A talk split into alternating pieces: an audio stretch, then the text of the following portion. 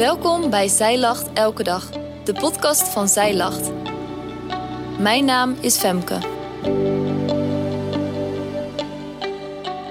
Dit is de overdenking van 5 oktober, geschreven door schrijfster Jacomien van Urk.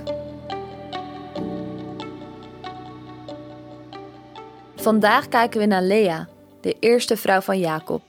Zij baarde hem veel zonen en koos de namen van haar kinderen zorgvuldig uit. Namen met betekenissen, die volgens mij veel zeggen over het hart en de verlangens van Lea. Ontdek hoe er een omkeer kwam in de betekenis van de namen van haar zonen en ga aan de slag met jouw eigen naam. In Genesis 29, vers 16, 17 en 30 staat het volgende. Nu had Laban twee dochters. De naam van de oudste was Lea en de naam van de jongste was Rachel. Lea had fletse ogen, maar Rachel was mooi van gestalte en knap om te zien. Jacob had Rachel lief. Hij kwam ook bij Rachel en ook had hij Rachel meer lief dan Lea. Het zal je maar gebeuren. Je vader geeft je aan een man die eigenlijk stapelverliefd is op jouw zusje. Hij wil eigenlijk helemaal niet met jou trouwen. Je wordt ingezet vanuit het strategisch oogpunt van je vader. En dan komt na een week ook je zusje er nog bij. Jouw man trouwt ook met zijn lieveling, mooi van gestalte en knap om te zien, zijn eerste keus. Hoe zou jij je voelen? Terwijl ik er nog een keer over nadenk, voel ik de pijn van Lea.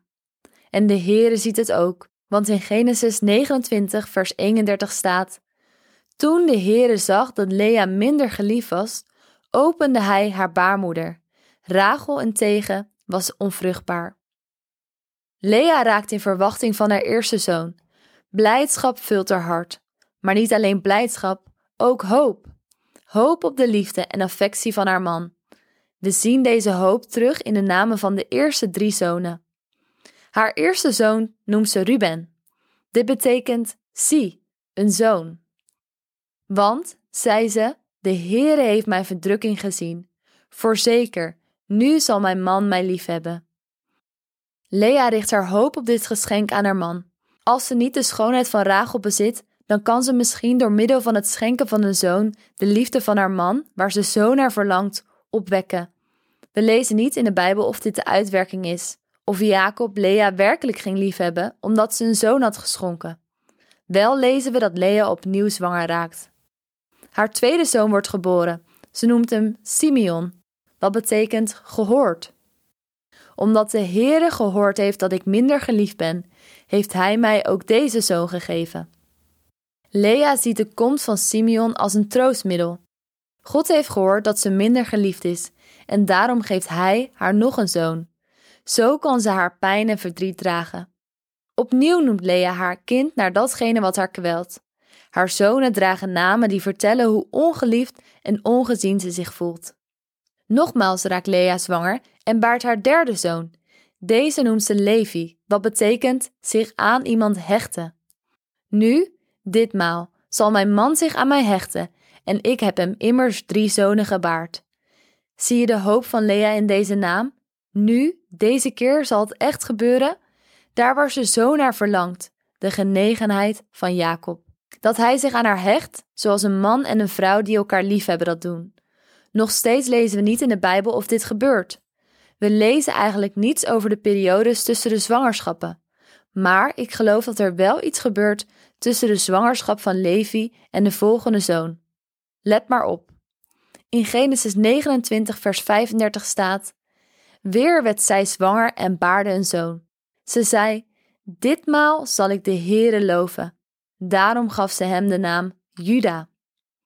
Geen naam die het verlangen naar haar man vertolkt. Geen naam die haar pijn en verdriet vertelt. Nee, ditmaal is haar hoop op iemand anders gericht. Ik zal de Heere loven. Hij is mijn rots en mijn bevrijder.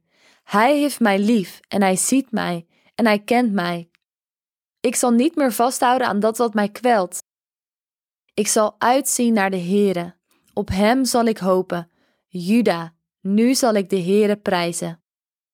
Het volgende vers begint niet opnieuw met Lea werd zwanger.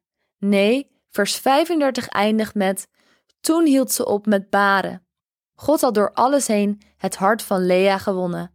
Haar ogen waren nu op hem gericht in plaats van op haar onvervulde verlangens. Haar hart was gevuld met lofprijzing voor hem. Hij is al haar liefde waard en zij is al zijn liefde waard.